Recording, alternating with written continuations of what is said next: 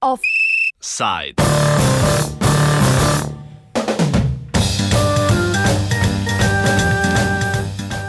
Proizvodnja palmovega olja po svetu močno narašča. Kako ne bi, če pa investitorji in korporacije hlastajo po vedno novih površinah za gojenje oljne palme, kar pa negativno vpliva na lokalne skupnosti, ki se na tej zemlji preživljajo. To dejstvo je sprožilo raziskavo strani mednarodne organizacije Grain, ki naslavlja probleme, ki nastopijo z razširitvijo proizvodnje palmovega olja. Hank Hobling iz Graina oriše porast te in drugih kultur v zadnjih 50 letih. to just to get a picture of the big idea. In the last 50 years, uh, we calculated, we looked at the, at the evolution of four crops: uh, palm oil, uh, canola, which is is uh, more of a northern crop, but um, but also uh, crops such as soybean, which has been a tremendous expansion, and sugarcane. These crops together, in the past 50 years, have increased by 140 million hectares. They've taken up 140 million hectares of land, of farmland, new new farmland, in the past 50 years. Now, just to get an image, this is almost the same size as the entire agricultural area of, of a country like India. So that's tremendous. What what we're seeing is that a lot of um, of these commodity crops, which again are grown for the international market uh, to benefit the global the global food industries, they are taking away the capacity for local communities to, to, to create their own food, to, to grow their own food. And of course, they are one of the main important um, forces behind hunger in the world. Now, in the case of soybean and palm oil, the, the, the projections are that over the next 10 years, these numbers will double again. Še posebej se širi gojenje oljne palme v zadnjem desetletju. Our concern is the past five years.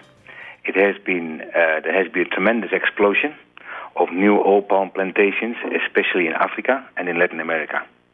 Oil palm plantations historically were mostly concentrated mostly in two countries, in Malaysia and in Indonesia, in Asia. And you had big companies like Unilever and others who had their oil palm plantations and basically who used oil palm uh, to produce uh, their commodities, uh, their detergent, soap, and also vegetable oil. Now, what has happened over the past two decades, in the past decade especially, is that because of uh, new trade agreements, free trade agreements, um, oil palm is becoming a very uh, central commodity to be uh, oriented towards uh, many new countries where it wasn't used before. For example, in India, India is a country where uh, the farmers themselves have many different other crops that produce vegetable oil, like sesame seeds and like other of the crops they were growing there always. But because of the free trade agreements now, oil palm as a very cheap commodity is now penetrating, is now invading, if you want to say it that way, many countries like India, like China, but also many other countries. So it's becoming a global commodity, which it wasn't before, to the extent. So now the companies are looking for new land to plant oil palm with, and they are oil palm is a crop, is a, is a, is a tree, which grows only in the tropical belt, in tropical countries. So, and that's why they're so good in Indonesia and Malaysia. And now they're looking in tropical Africa and tropical Latin America to expand uh, and to plant new plantations. Kdaj se je začel proces, ko so se korporacije in investitorji še posebej začeli zanimati za industrijsko pridelavo palmovega olja, nadaljuje Hobling. The year, if you remember, where we had a big financial crisis uh, in, in New York and in, in the United States, uh, banks were collapsing. And at the same time, that same year, we had a big uh, food crisis, and the food prices were rising up, and it became so high the, the food prices that many, in many countries, people were not could not afford to, to buy food anymore. Now that did two things to people. on the one hand, countries which were strong dependent on food imports, like for example the Gulf states, Saudi Arabia and Qatar, etc., they realized that they could not rely on the market anymore to buy their food which they, they traditionally do. So they went out and especially looked in Africa to take control over large areas of land where they could plant the, the wheat and the rice and the, and the vegetables for their own populations. That was one, one drive. So you, you certainly got a lot of uh, sheikhs from, from the Gulf areas, but also China and, and other countries who were looking for land in Africa and in Latin America, especially. But at the same time, because of the financial crisis, uh, investors like banks and investment uh, funds, they certainly became interested into farmlands because because of the financial crisis, they had to find a safe commodity to, to put their money in, to put their their their, mon- their their bets on, and basically they decided that farmlands is a good commodity to uh, to control. So uh, at the same time, we also got uh, banks, we got investment houses, we got pension funds, um, also going to poor countries to take control of land. So certainly in, in, in, in the space of the last five to six to seven years, we have seen a huge amount of, of transfer of ownership of land from countries and from small farmers to big investors uh, who want who want to make money out of food.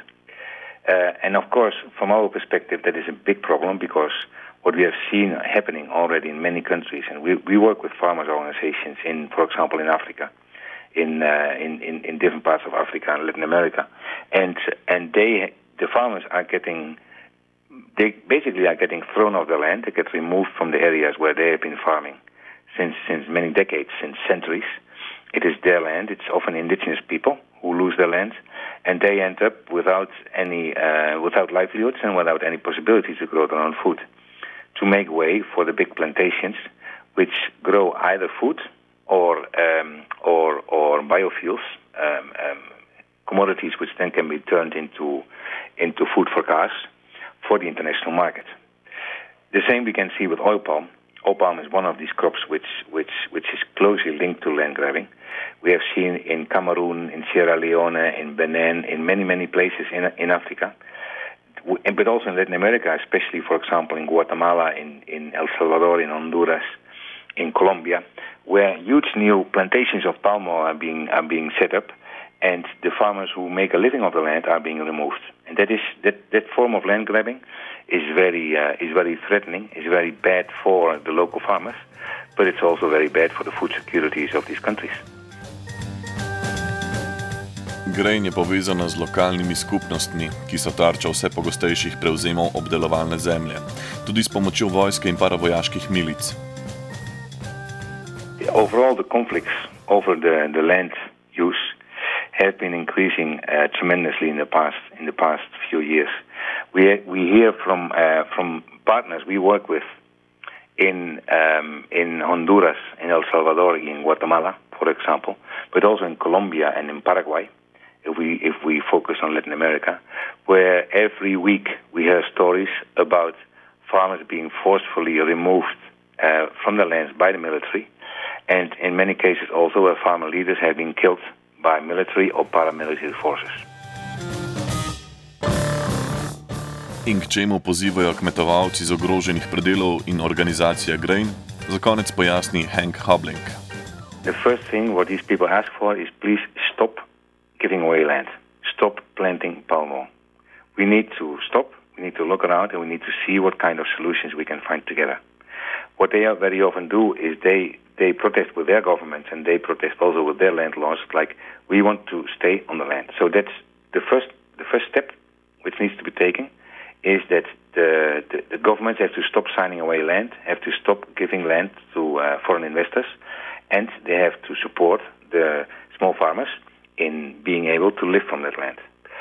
Then the second step, what they very often also ask for, is rather than giving away this land to foreign investors, why don't we make a, a national plan in our countries where actually we develop an agriculture policy which is oriented towards supporting small farmers to produce the food that the country needs. Uh, this will be done in small plots. It will be done mostly with ecological farming because uh, small farmers in these countries very often do not use pesticides and chemicals. So in a way, it's it's a very healthy way of of getting food uh, to the consumers. And uh, rather than having policies which give away land, Eh, what governments should do and what our partners ask governments to do is to eh, to develop and to design policies which support small farmers and their and and, and their livelihoods. Offside sta pripravila vajenec Rok in Jankovič.